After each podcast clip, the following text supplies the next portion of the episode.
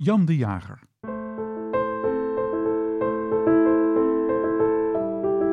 Uit de oorlogsverslagen van het klooster.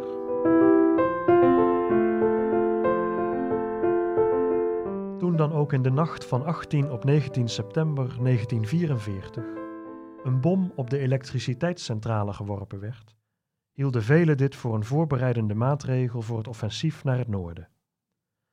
Onophoudelijk kwamen er in deze dagen kolonnes vliegtuigen over.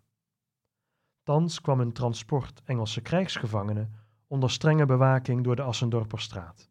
Kortom, alles wees op een spoedig naderen der bevrijdingslegers.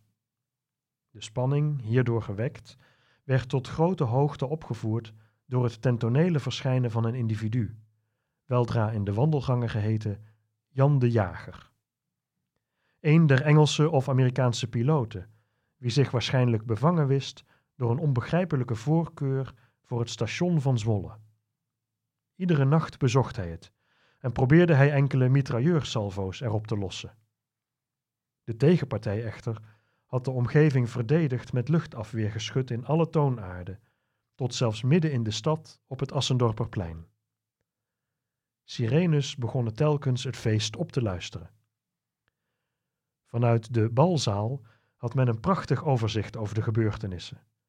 Doch het vergde een aanzienlijke dosis moed, want de granaten vlogen roodgloeiend over het dak. Een en ander had tot gevolg dat de nerveuze fraters iedere nacht te vinden waren op de gang of in de kelder, vooral als er nog lichtkogels bijkwamen. Dit alles was begrijpelijkerwijze niet zeer bevorderlijk voor de nachtrust. Dus werd de balzaal ontruimd en de daar gelegerde fraters verhuisden één verdieping lager. Nauwelijks zijn deze veranderingen aangebracht of Jan de Jager staakt zijn bezoeken.